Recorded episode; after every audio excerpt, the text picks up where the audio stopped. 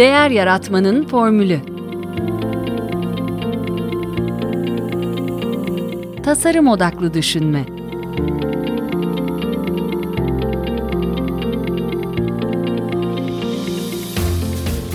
Merhaba, ben Mete Yurtsever. Değer Yaratmanın Formülü Podcast'inde bugünkü konuğum inovasyon stratejisti ve eğitmen Melda Gökner. Hoş geldin Melda. Hoş bulduk Mete. Biz aslında Melda ile çok uzun süredir tanışmıyoruz ama şöyle bir avantajımız var ki e, aynı zamanlarda aynı koridorları yani aynı kaldırımları arşınlamışız. Ben e, onun bölümüne çok gidip gelirdim. E, iktisat ve endüstri ürünleri tasarımı çok yakındı birbirine ve bir yakın bir arkadaşım vardı orada. E, onu ziyarete gelirdim. Bayılırdım böyle orada sizin e, o çok e, odaklı bir şekilde çalışmanızı ve yaptığınız şeylere çok özenirdim. Öyle bir kabiliyetim yok ama ama yani çok şeydi, beni çok e, çekerdi. E, güzel günlerdi yani. E, o günleri paylaşmış olmanın bir şeyi var. Böyle yaşımız biraz ortaya çıkıyormuş gibi oldu ama e, şunu söyleyebilirim ki tasarım demek ki insanları genç tutuyor. E, öyle bir şeyimiz var. E, Mete beni var. erken yazdırmışlardı. Ben iki yaşında ilkokula başladığım için aslında... Anladım. Evet. Tamam. Bence yani bu, bu açıklamasız da bence e, şey buna inanacaktım. E, peki ben o zaman kısaca seni tanıtayım dinleyicilerimize. E, ODTÜ Endüstri Ürünleri Tasarım mezunu e, Melda Göknel ve e, Amerika'da e, da kullanıcı deneyimi ve arayüz tasarımı, tasarımı okudu. E, daha sonra da MIT'de Design Thinking Master'ı e, yaptı. E, çalışma hayatında ise yaklaşık e, ilk 20 yılda kurumsal hayatta iş geliştirme, strateji e, ve pazarlama rolleri üstlendi. E, yaklaşık son 7 yıldır ise e, daha çok tasarım odaklı düşünme, e, inovasyon konularında danışmanlık veriyor. Özyeğin e, ve İstanbul Aydın Üniversitesi'nde de öğretim görevlisi olarak e, lisans ve yüksek lisans dersleri veriyor. E, bilmiyorum eklemek istediğim bir şey var mı? Gayet güzel anlattın. Peki. Teşekkür ederim. Dersimizi çalışıyoruz. Bir şey merak ediyorum başlarken şimdi. E, bir yine röportajında bir konuşmanda e, design thinking yaklaşımını e, Uli Weinberg'den e, öğrendiğini söylüyorsun.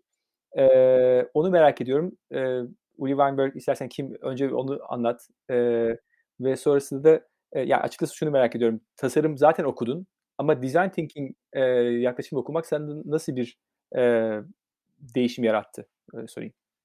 Ee, evet yani endüstri tasarımını okudum ve ben böyle inkognito bir şekilde kurumsal hayata girdim Mete. Yani kurumsal hayat dediğin yerde karar vericilerin masasında işte iktisatçılar, işte e, finansçılar, mühendisler falan okur, yani otur işte işletme mezunları falan. E, ben bir tasarımcı olarak o masada oturduğumda bana der ki siz mühendis misiniz, işte e, pazarlama mı okudunuz falan diye aslında bir kere tasarım disiplini en azından ODTÜ'de bizim okuduğumuz kadarıyla çok ciddi bir anlayış veriyor. Üç tane konuda sana derin bir anlayış veriyor. Bir, insanlar ne ister? Yani psikoloji okuyoruz, algı okuyoruz, bilişsel psikoloji özellikle okuyoruz. İnsanlar ne isterler, neyi algılarlar? İkincisi e, biraz iş modelini anlıyoruz. Ekonomiden biz de ders alıyorduk hatırlarsın belki pazarlama derslerimiz falan ortaktı. Ve üçüncüsü bu nasıl yapılır, bu nasıl çalışır? Bütün bunları öğretiyorlar. Şimdi bütün bunları e, aslında iş hayatına ben yeni bir soluk olarak getirmiş bulundum. Çünkü tasarımcı çok çalışmıyordu kurumsal hayatta. Yani hani e, böyle oturup da böyle evet bir, bir tasarımcı alıyoruz falan demiyorlardı. Benim kurumsal hayata girişim zaten Dijitürk'te arayüz tasarımı ile birlikte oldu. Yani oradaki e, dijital kanallar e, yani interaktif kanallarla oldu.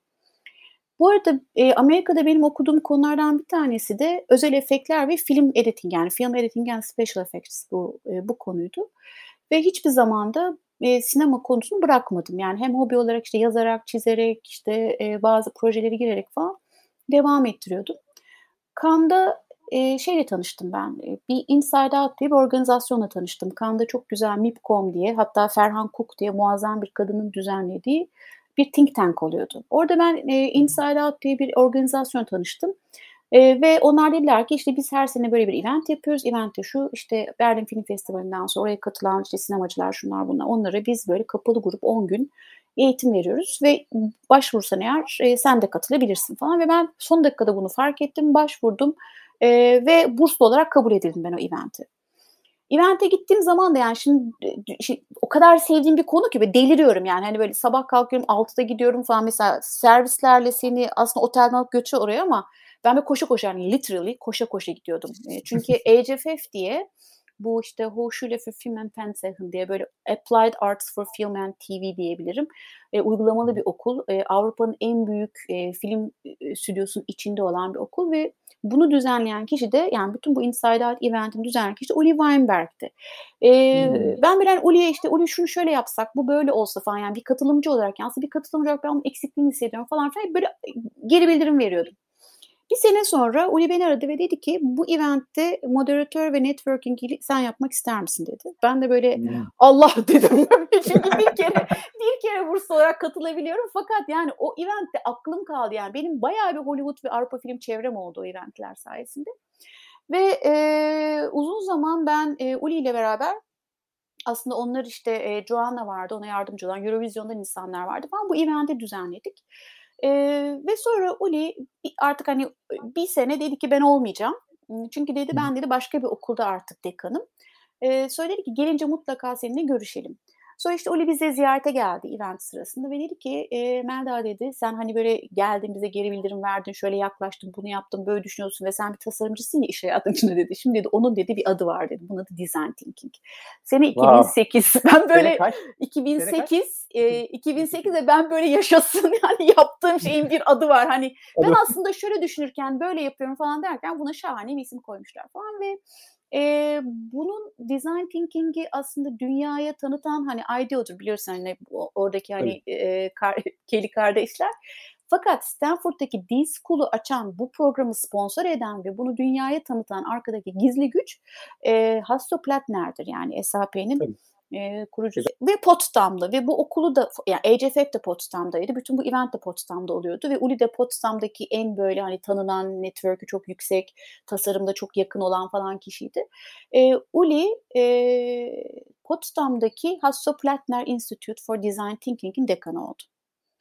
Ve beni okula götürdü ve ben okulda çıldırdım. Böyle delirdim yani hakikaten bir aman tanrım falan diye.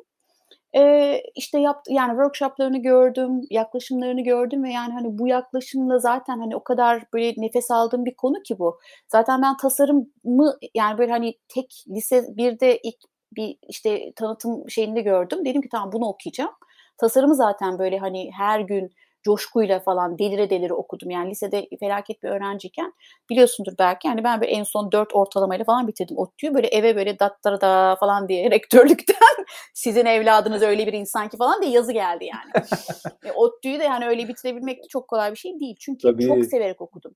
Ve e, hiçbir zaman da hani mesleğimi birebir böyle işte bir sandalye, bir e, kettle bir şey tasarlamasam bile her şey hayatımda hep bu bakış açısıyla baktım. Yani ben yani insan odaklı ve her şeye tasarım anlayışıyla yani bir fırsatı görüp e, bundan rafta durup da insanların ah tam da istediğim şey diyebileceği istersen bu bir televizyon kanalı olsun, istersen bu bir eğitim programı olsun, istersen bu hakikaten ele tutulan bir ürün ya da bir uygulama olsun bunu yapmakla evrildi yani ruhum böyle e, yani nasıl diyeyim beynim böyle ve kalbim böyle atıyor ve ben oraya gördüğüm zaman delirdim Mete. Ee, sonra baktım Aydo'da böyle küçük küçük kurslar var ama yani o kadar böyle basit, o kadar hani e, bir tasarımcı olarak beni tatmin etmeyen şeyler ki. Yani şöyle düşün sen mesela hani ekonomi okudun. Şöyle bir kurs var. Ekonomi nedir falan. Anlatabiliyor muyum? Hani ne kadar alırsın o kursu ne kadar seni tatmin eder. Ve ben dedim ki yani bunu benim iş hayatında da nasıl tam olarak e, uyguladıklarını görmem lazım ama onun için biraz daha zaman geçmesi gerekti. Ne, ne zaman ki MIT çünkü ODTÜ'nün bir teknik e, geleneği vardır. Yani her şeyi e, böyle çok e, çepeçevre anlatır, ekonomisini anlatır, bunun makinesini anlatır, malzemesini anlatır, komponentini anlatır, üretimini anlatır falan çepeçevre anlatan MIT'yi buldum ve ben oradaki şeye kendim böyle attım. Oradan da hmm. aldığım çok şey var. Ve e, bu anlayışla beraber iş hayatında 20 senelik bir design thinker olarak bulunmanın getirdiği case study'lerle e, aslında ilk Özyeğin Üniversitesi başlatmıştır. Hani bu e, lisansüstü MBA Executive MBA Design Thinking programa dahil etmeyi. Ben de o kadronun içinde yer alıp e, o zamandan beri de 10 bin saatimi doldurdum bu arada Design Thinking eğitimde onu söyleyebilirim. Yani binlerce insanı eğitip e, 10 bin saat bir e, bu konudaki uzmanlığımı da aldım diyebilirim. Benim hikayem Design Thinking ile kesişim böyle Meteciğim. Harika. Ya peki e, şimdi çok e, nasıl diyeyim çok tutkulu bir e, tasarımcı olarak e, karşımda öyle görüyorum. E, bunu acaba e, bunu getiren şey biraz altyapı mı? Yani bu e, senin nasıl bir şekilde wired olduğunu yani yaratıcılık onu söyleyeceğim. Yaratıcılık sence doğuştan gelen bir şey mi bir şey mi ve sen muhtemelen yaratıcı olduğunu düşünüyorsun diye düşünüyorum. Ee, onun da bir küçük bir hikayesi var. Onu da anlatabilirsin belki. Ee, yani e, ve sonradan kazanabilecek bir şey mi? Yani seni buraya getiren şey aslında yine diyorum şeye geldik. Form form, form, form follows function diyorsun evet. Öyle bir şey mi acaba yani bu da? Şimdi şöyle ilk önce evet o küçük hikayemi anlatayım. Bu da biraz şey verecektir hani böyle bir ışık tutacaktır dinleyenlere. E, Amerika'da bizim bir dersimiz vardı. O da e, işte sanatçı psikolojisi falan diye bir ders. Şunu anlamaya çalışıyor. Profesör e, Diane Model Berger diye bir kadın geliyor. Aslında bir psikiyatri profesörü. Ve şöyle diyor yani acaba hani bir insan normal, rutin bir hayatı olmak yerine neden sanatçı gibi sonu sefaletle bile bitebilecek bir e, risk alır yani hayatında. E, hoca derse gitti böyle ve işte biz böyle 20 kişilik falan bir sınıfız. Girer girmez hepimize şöyle baktı dedi ki sınıfta dedi e, solak olanınız var mı dedi. İşte e, böyle bir 6-7 kişi el kaldırdık. Sonra dedi ki solak olup e, miyop olanınız var mı dedi. Bu 6-7 kişiden biz kaldık 3 kişi. Solak olup miyop olup alerji olan var mı dedi ve bir tek ben kaldım. Sonra hoca bana baktı şey dedi yani tebrik ederim seni e, yani çok ileri derecede yaratıcı olmalısın falan dedi. Ben de böyle hani muazzam gururlandım falan bu olaydan. Çünkü alerjilerim, miyopluğum ve solaklığım işe yaradığı tek yer olabilir yani üçünün birleşiminde. Sonra şey dedi çünkü dedi sende beyin hasar var. Şimdi tabii hani bu böyle bir şok oldu fakat Yani hani böyle bir taraftan da hayatımda birçok şey yerine oturdu. Çünkü dedik ya e, senin dünyaya bakışın diğerlerinden çok farklı olduğu için farklı bir bakış açısından görebildiğin için yaratıcısın aslında. Şimdi evet doğuştan bazı şeyleri getiriyorsun. Fakat e, yani eminim birçok solak, miyop ve e, alerji olan insan vardır ve belki muhasebecidir, belki işte e, ne bileyim başka bir yer rutin bir iş yapıyordur falan ve bunu fark etmemiş olabilir. E, benim Öğrencilerimden de bakarak çünkü ben 1995 yılında Amerika'da ders vermeye başladım. Yani yaratıcılık nedir, nasıl geliştirilir, kimler yaratıcıdır, hangi egzersizler yaratıcılığı besler aslında bütün bunları yıllar içinde gördüm ve bu yılda az buz bir yıl değil. Şunu görüyorum bir kere meraklı bir insan değilsen hiçbir şey olamıyorsun. Yani meraklı bir insan değilsen gelişim zihniyetin olmuyor. Meraklı bir insan değilsen inovasyon yapamıyorsun. Meraklı bir insan değilsen herhangi bir bilgiyi öğrenebilmek gibi bir durumun olmuyor. İlgi olmadan bilgi olmuyor. Yani beynin kendini ilk önce merakla hazırlaması gerekiyor. Ve bu arada bu merak şöyle bir merak değil. Acaba işte Mete'nin karısı nasıl birisi falan hani bana hiçbir şekilde hizmet etmeyen bir merak değil de şöyle bir merak yani mesela hep babam şunu anlatıyor. Biz ne kadar bunaltırdın, ne kadar bunaltırdın, ne çok soru sorardın falan diyor. Yani dünyaya karşı coşkulu bir meraktan bahsediyorum. E, deneyimlerle ilgili meraktan bahsediyorum. Yani herhangi bir konuda risk alabilme becerisinden bahsediyorum. Bu riski menüden yemek söylerken de, hiç bilmediğim bir sanatçının müziğini dinlerken de, e, hiç aslında ilgini çekmeyecek bir sergiye giderken de sergileyip aslında zihnindeki o e, nöral ağı, o sinapsislerin gidebileceği hücreleri zenginleştirmekten bahsediyorum. Yaratıcılığın formülü ne dersen, önce e, gerçekten çocukça coşkulu bir merak, deneyim, algısal herhangi bir şey, doku, ye, işit, ne bileyim e, tat falan hani bütün bunları beslemek, deneyimlerle bisiklete bin, paraşütle atla, dibe dal, ondan bir çocukla oyna, Lego yap, kaykaya bin falan bütün bunlarla beraber geliştirdiğin zihnin daha sonra alakasız bağlantılar kurma becerisi. Çünkü üç tane şey yapıyor zihin. Bir, odaksız bir zihin hiçbir şey yapamıyor. Ee, böyle bütün eğitimlerimde böyle çok feyiz aldığım bir e, eğitim teknoloğu vardır. Theodor Rötke diye. Der ki aktif bir beyin, beyin bile değildir der. Yani akıl olması için onun odaklı olması gerekiyor. Odaklanmadığın sürece karşı tarafı dinlemediğin sürece empati kuramazsın. Odaklanmadığın sürece yaratıcı olamazsın. Odaklanmadığın sürece öğrenemezsin falan. Bütün bunlar odaklı bir zihin, üretken bir zihindir. Ve e, işte tasarım yani design thinking neden benim çok böyle tutkulu olduğum bir şey? Çünkü odaklayarak başlatıyor seni. Yani empati kurduruyor ve diyor ki bir şunu odakla sen. Ondan sonra zaten zihin kendi içinde hayal gücünü ve dikkat çekerlik dediğimiz özelliği kullanarak o işte senin zenginleştirdiğin beyin hücrelerini e, böyle alakalı alakasız birbirine bağlayıp pıt diye böyle yeni formüller ortaya koyuyor. Yaratıcılık dediğin şey de aslında bu. Yani hiç kimse, dünyadaki hiç kimse hiçbir şey görmeden süper orijinal bir fikir üretmiyor.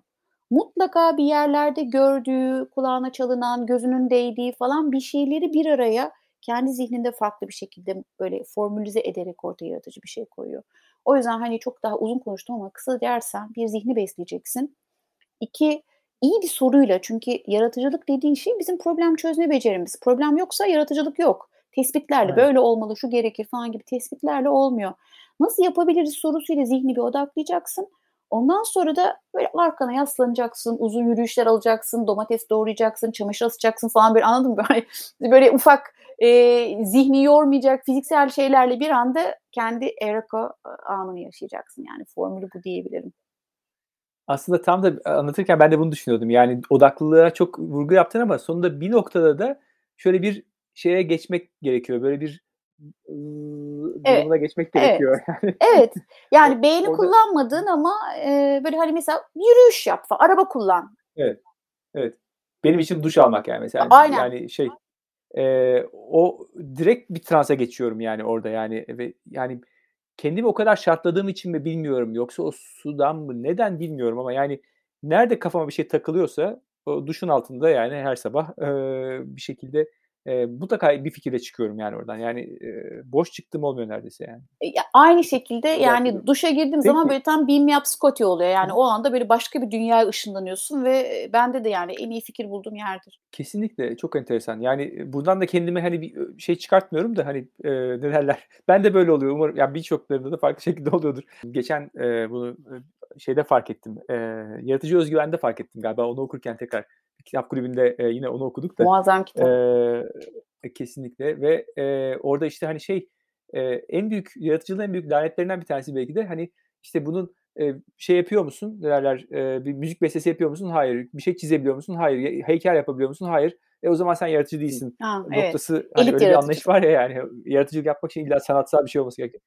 Değil yani ben bunun hiçbir tanesini yapamıyorum ama e, bir şekilde dedim ki ya ben aslında yaratıcı bir insanım ya ama yani bunu insan kendine bile söylemekten imtina ediyor. Yani e, sanki bu çok erişilmez bir şeymiş gibi.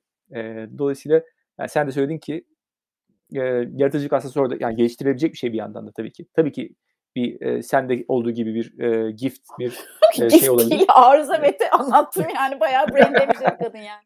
Olsun ama işte o da bir e, nadir olması onu gift haline getiriyor sonuçta. Yani şeyi söyleyecektim e, aslında bu hani yaratıcı değiliz falan. Ben hep mesela şunu soruyorum insanlara e, yani eğitimlerde kimler yaratıcıdır falan diyorum. E, bunu çocuğa sorsan hepsi yaratıcı hissediyor kendini. Çok güzel bir e, araştırma vardır. E, yani insanlar zaten yaratıcılıkla ilgili araştırma yani yaratıcılığın ulvi bir şey olmadığına dair bunun beynin bilişsel kapasitesiyle ilgili bir şey olduğuna dair zaten araştırma 1965'te başlamış. 65 ya. O da hani 68'de de bunun iş hayatıyla ilişkisi nasıl Ay'a gitmeye karar vermesi kurulmuyormuş zaten. Yani o yüzden hani e, bizim kendimize koyduğumuz engeller hepimiz yaratıcıyız ve şöyle bir şey yapıyorsan eğer sen aman tanrım misafir gelecek evde de yemek yok onları nasıl ağırlayabilirim A yemek sepeti B bilmem ne falan diyorsan zaten yaratıcı bir sürece girmiş oluyorsun.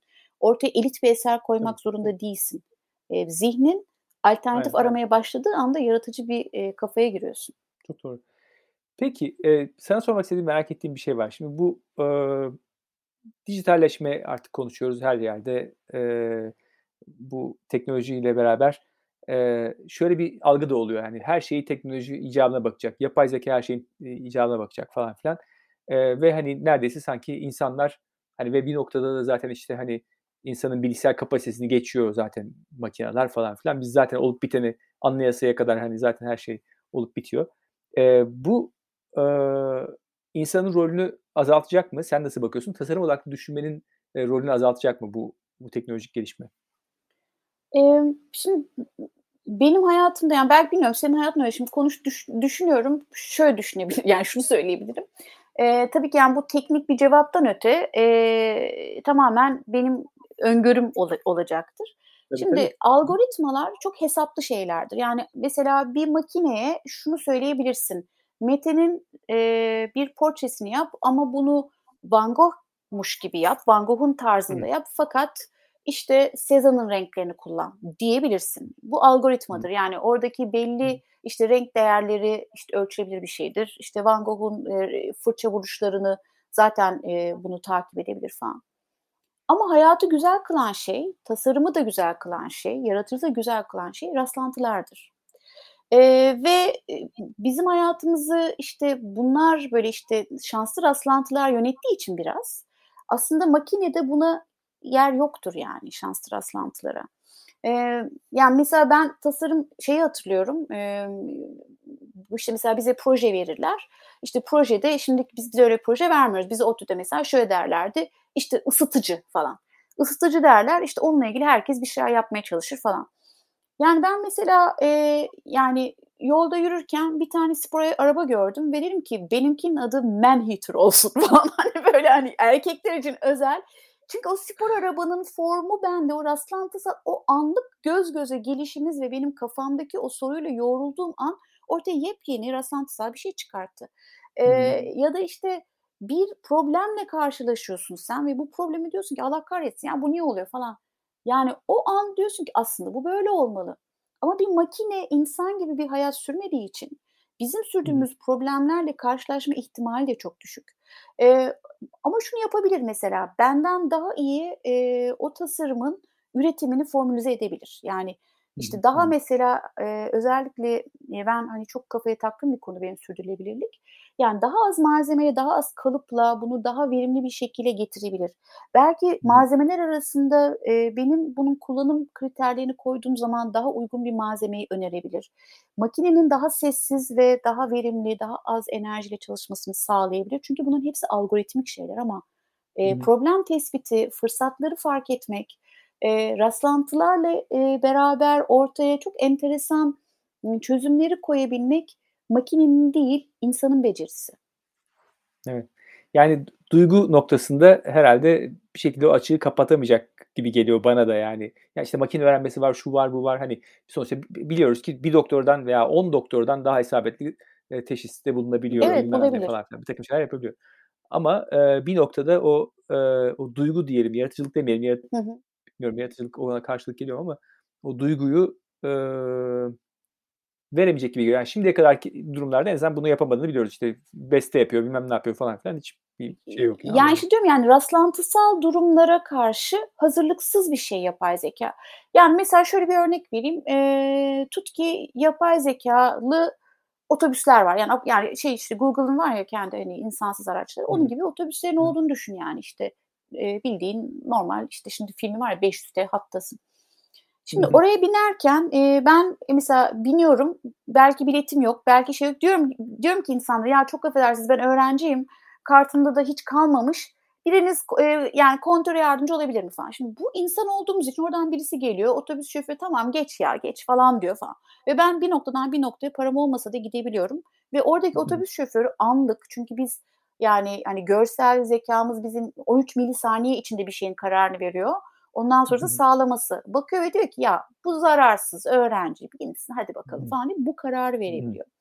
Bu karar da birikimle ilgili bir şey yani. Bu adam orada hani makine öğrenimi de yapamaz. Duygusal bir şekilde empati kuruyor.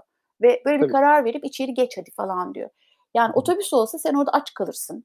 Ee, işte mesela e, işte şöyle bir karar veriyor işte bilmem neler giremez falan işte şu ateşi şöyle olanlar giremez falan yani oradaki durumu analiz edebilmesi için o kadar farklı bilgi yüklemen gerekiyor ki hani belki yıllar içinde e, yapay zeka da mesela aynı makine 100 yıl boyunca o hatta gidip gelse ya da 30 yıl boyunca gidip gelse belki belli bir anlayış e, geliştirebilir ama durum değerlendirme konusunda yani durumu okuma konusunda biz hala çok iyiyiz insan olarak.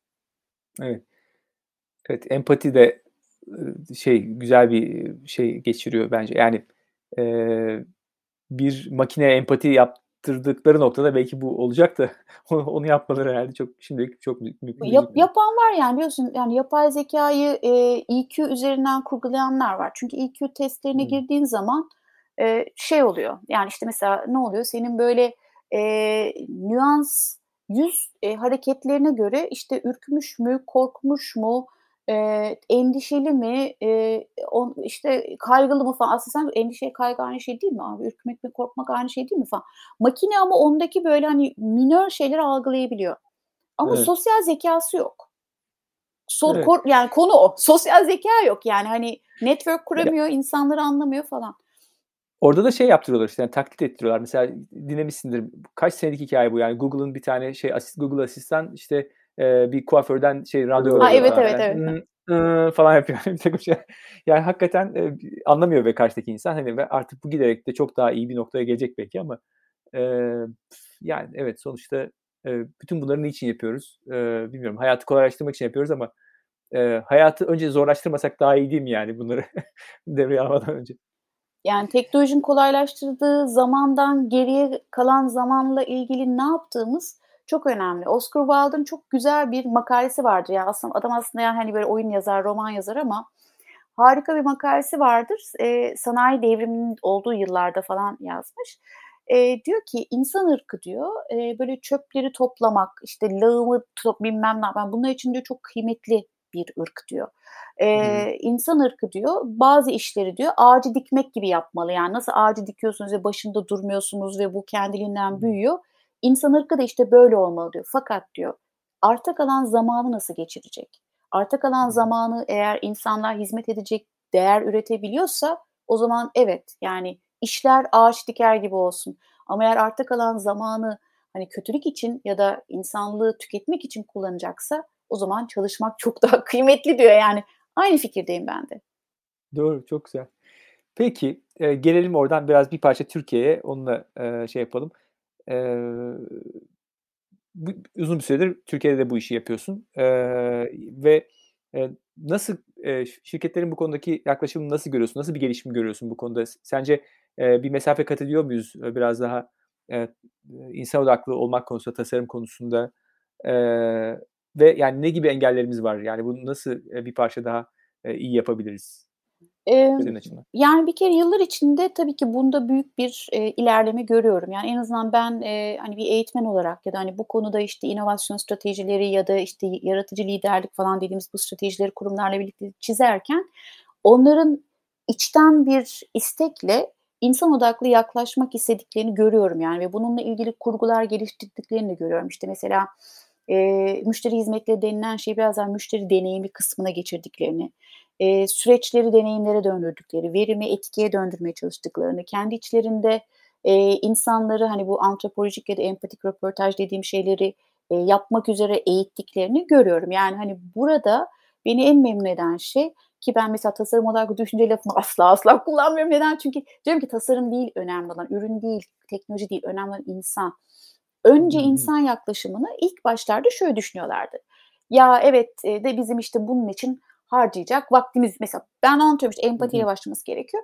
Böyle e, hemen bana şeyler ya hocam evet ama işte bunun için bizim harcayacak vaktimiz yok. Diyorum ki peki siz ne iş yapıyorsunuz? Yani ne sektör olursa olsun ne iş yapıyorsunuz? Yani peki bu işi kimler için yapıyorsunuz? Kimler sizi satın alma kararını verecek? Kimler sizinle ilgili bir problem yaşayabilir? İnsan yaşamayacak mı nihayetinde bunu? Zaman kaybetmekle zaman yatırımı arasında ciddi bir fark vardır. Zaman yatırımı e, sizin o kullandığınız zamanın kendi işte kurum hedeflerinize doğru götürüp götürmeyle ilgili bir şeydir. Ve işte insan odaklı yaklaşımda insana yaptığınız zaman yatırımdır. Ama siz kendiniz kendi bence böyle olmalı falan. Mesela ben diyorum ki yani bence lafını kendinize kendinize söylüyorsanız ağzınıza bir vurun lütfen yani. Çünkü kendiniz için bir şey yapmıyorsunuz bir topluluk, bir kitlenin ihtiyacı için bir şey yapıyorsunuz. E, ve hani orada bir kere hani onu anladıktan sonra zaten zaman kazanıyor geri kalanda. Çünkü öbür türlü bence dediği noktada oraya uymuyor, düzeltiyor, buraya uymuyor, düzeltiyor. O çalışmıyor, bozuluyor, işte e, insanlar kullanmıyor, geri dönüyor falan ve deli gibi kaynak harcıyorlar. Bunu gördüler. Ben hani bir de şöyle yaklaşıyorum. E, yine ODTÜ ve MIT sağ olsun. E, teknik ve e, verisel yaklaştığım için diyorum ki bunu ölçün ve şimdi böyle yapın ve bunu ölçün dediğinde zaten onları gördüğü için kurum mesela ben kurumun bir, bir, bir biriminden giriyorum. Kurumun tepesinden alta MT'sinden borda falan öyle bütün herkese eğitim veriyorum. Çünkü burada bir hizalanma ihtiyacı var. Ee, ve şey diyorlar işte, işte hocam ama bu eğitimi üstler de almalı diyorum ki devrimler alttan başlar. Üstte 3 kişi var, altta 3000 kişi var yani. Siz bunu yapacaksınız ve e, üst bunun aslında ne kadar kıymetli bir şey olduğunu görecek. Yani oradaki kurban psikolojisinden de biraz çıkartmak gerek. O yüzden yaratıcı özgüven kitabını ben çok severim. Hmm, çok güzel bu, bu bir nokta oldu bu hakikaten. Yani e, tabii ki e, bir kurumun kültürünü oluşturan en önemli e, etmenlerden bir tanesi hani örnek olan, liderlikleriyle örnek olan kişiler, yöneticiler ama dediğin gibi yani e, aşağıda bu bilincin oluşması e, yukarıyı da mutlaka etkiliyor. E, ve zaten artık organizasyonlarda daha çok bu yönde hı hı. evrilecekler diye inanıyorum ben de. Yani bu iş aşağıdan e, ekipler yön verecekler. E, liderler sadece onların yolunu aç, açacak. Yani evet. konuşulan şey bu ya zaten. Biraz örneklerden gidersek yani tabii ki isim vermemiz gerekmiyor. E, keyif aldığın bir proje böyle e, aklına gelen e, seni olumlu anlamda mutlu eden yani olumlu anlamda mutlu eden olmadı.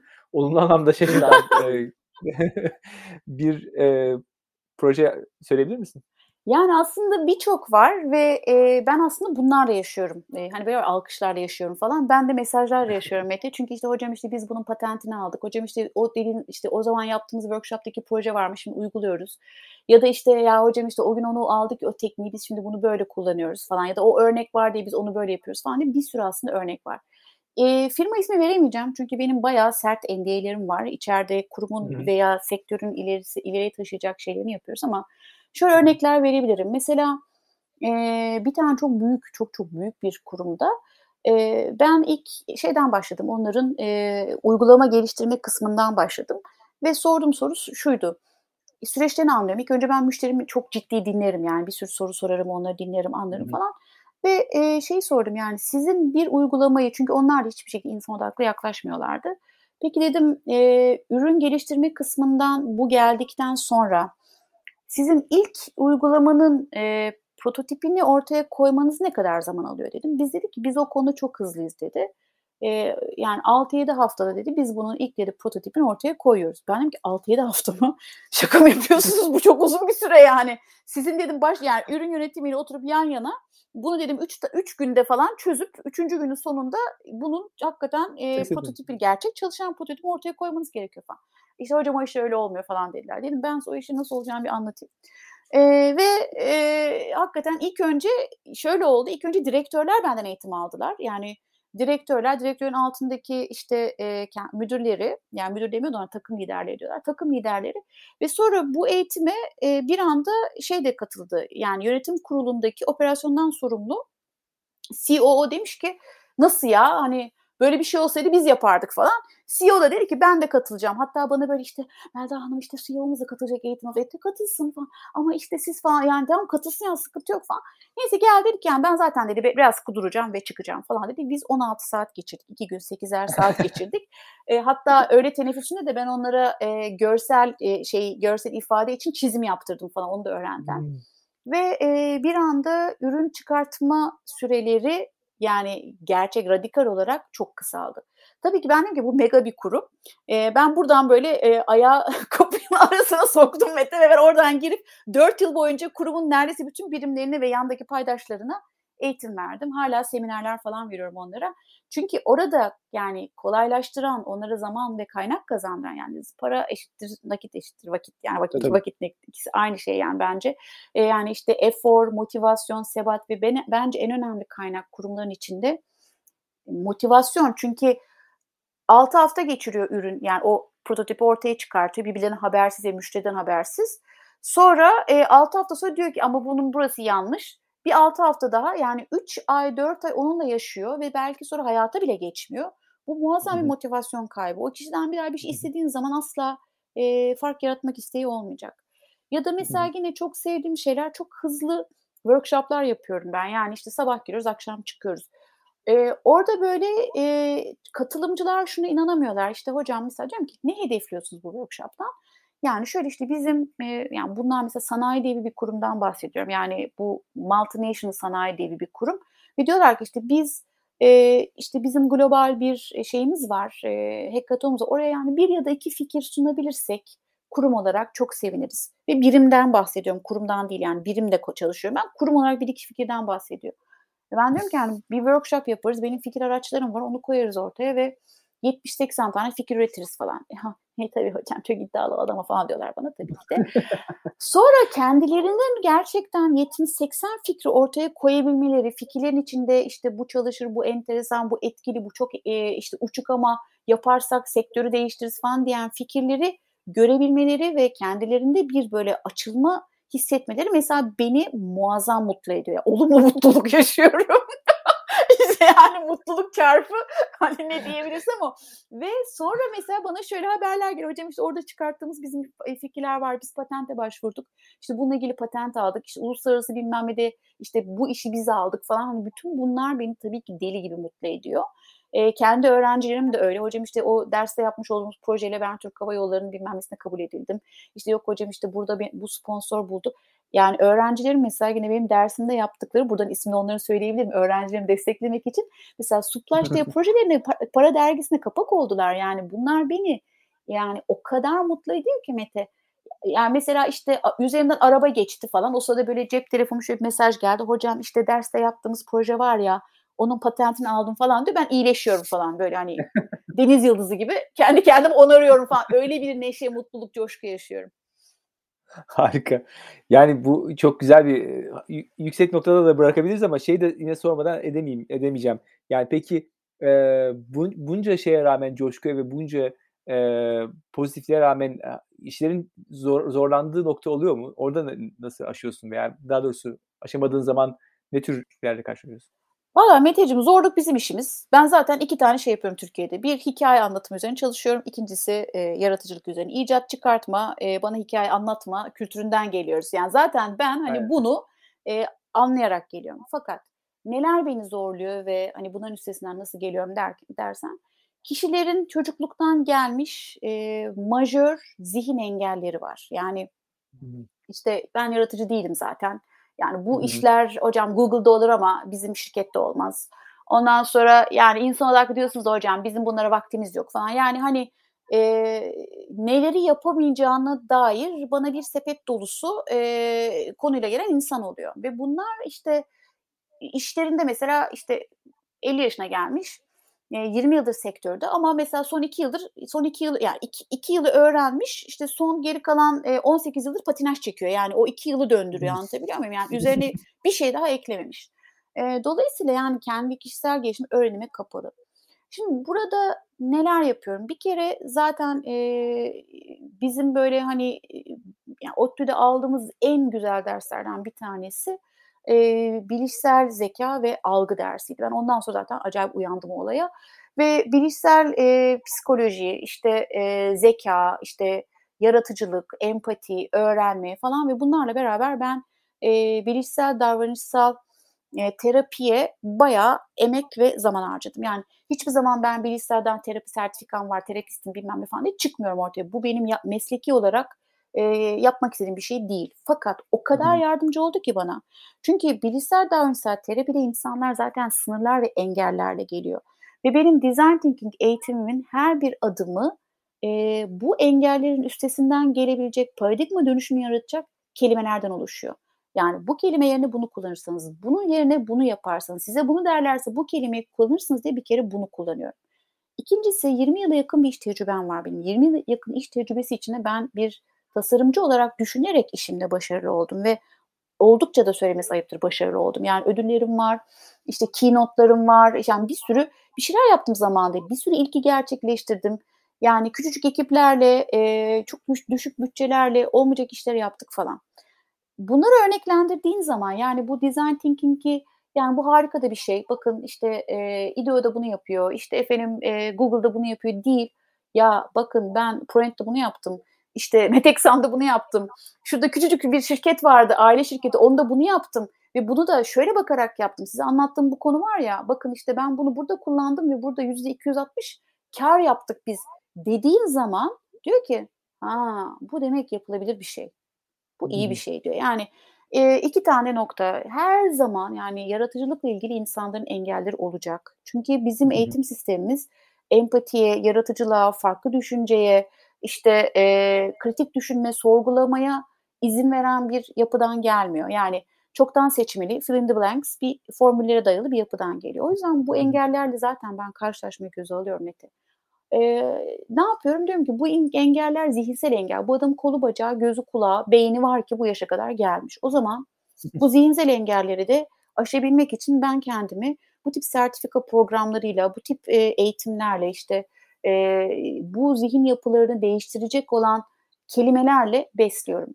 ve sonra kendi hayatımdan yaşanmışı var bak olabiliyor getirdiğimde onlarda bu bir hevese dönüşmeye başlıyor. Diyor ki o zaman biz de bir hikaye yazabiliriz ve yazdıkları zaman hiç anlattım sana yani delir, delircesine mutlu oluyorum. Çünkü çok emek harcamış oluyorum, çok efor harcamış oluyorum. Onun sonucunu görmek beni çok mutlu ediyor. Harika. Ee, peki o zaman e, imza soruma gelelim. Ee, değer yaratmanın formülü Melda için. Evet. Ee, ben o zaman iki tane işimi birleştireceğim Meteciğim. Öyle anlatayım sana. Ee, herhangi bir projeye başlarken benim için değer yaratmanın formülü şu. Her şeyin hikayesini görmek. Yani ürün rafta duran, kutunun içinde duran şeyin ismidir. Ben onunla göz göze geldiğim anda, herhangi bir uygulamayı gördüğüm anda benim onunla hikayem başlar. Eğer şöyle bakabiliyorsanız e, hayatınızdaki herhangi bir probleme, özellikle kurumsal işle ilgili konularda neyi ilk, neyi farklı, neyi müthiş yaparım diyorsanız şuna bakın. Kim için, hangi problemini, hangi koşullar altında çözebiliyorum? Yani bu hikayeyi gördüğünüzde yani onun kendi mutlu hayatında ne başına geliyor ki bir sıkıntı yaşıyor? Neresi bunun climax'i yani koşulları yetmiyor ve o sıkıntının üstesinden gelemiyor. Bu hikayeyi gördüğünüzde ortaya çıkacak ürün işte ister sanal bir ürün olsun, ister hizmet olsun, ister bu bir gerçek ürün olsun, isterseniz bir metin olsun, sözleşme metni olsun. İşte hem insan odaklı, hem inovatif, yaratıcı, hem de gerçek anlamda sürdürülebilir bir iş oluyor. Benim için formül bu hikayeyi görebilmek. Harika. Çok teşekkür ediyorum Melda. Ben ee, teşekkür ederim. Nasıl ulaşabilirler ee, dinleyicilerimiz? En iyi yol ne? LinkedIn üzerinden. En iyi yol LinkedIn. Ee, evet ben LinkedIn çok aktif kullanıyorum. Diğer yani Instagram ve LinkedIn çok aktif kullanıyorum diyebilirim. Ee, ama hani eğitimlerimi, e, merak ettiğim şeyleri falan LinkedIn'e koyuyorum. O da fırsat bulursam Mete. Yani hani günün e, 8 saati aktif konuşan, geri kalan 3 saati aktif yazan, çizen bir insan olarak yani çok böyle bir vaktim olmuyor ama LinkedIn'den bana her zaman ulaşabilirler. E, eğitimlerimi ya da olduğu zaman seminerlerimi de oradan duyuruyorum zaten. Instagram'da da neye benzediğimi görebilirler. Onu söyleyebilirim. Bir tek kedimi falan görürler. Merak ediyorlarsa. Peki. Ee, çok teşekkür ediyorum tekrar ben katıldığın için. çok teşekkür için. ederim. Sağ ol. Bu podcast'te tasarım odaklı düşünme çerçevesinde hem yurt içinden hem yurt dışından kimi zaman davranış psikolojisi üzerine bir akademisyeni, kimi zaman bir tasarımcıyı, kimi zaman bir iş insanını, kimi zaman da değişim veya inovasyon üzerinde firmalara destek veren bir danışmanı ağırlıyorum. Amacım Türkiye'de bu konulara farkındalık oluşturmak. Buraya kadar dinlediğinize göre sizin de bu konulara ilgi duyduğunuzu anlıyorum. Sizden ricam güzel bir esnaf geleneğini devam ettirelim. Bu podcast'ten memnuniyetinizi arkadaşlarınıza, eleştiri ve önerilerinizi benimle paylaşmanızı istiyorum. Sanıyorum bunu en kolay LinkedIn üzerinden yapabilirsiniz. Beni ve Değer Yaratmanın Formülü sayfasını bağlantılarınıza eklerseniz çok memnun olurum. Desteğiniz için çok teşekkür ederim. Tekrar görüşünceye dek sağlıkla kalın, hoşça kalın.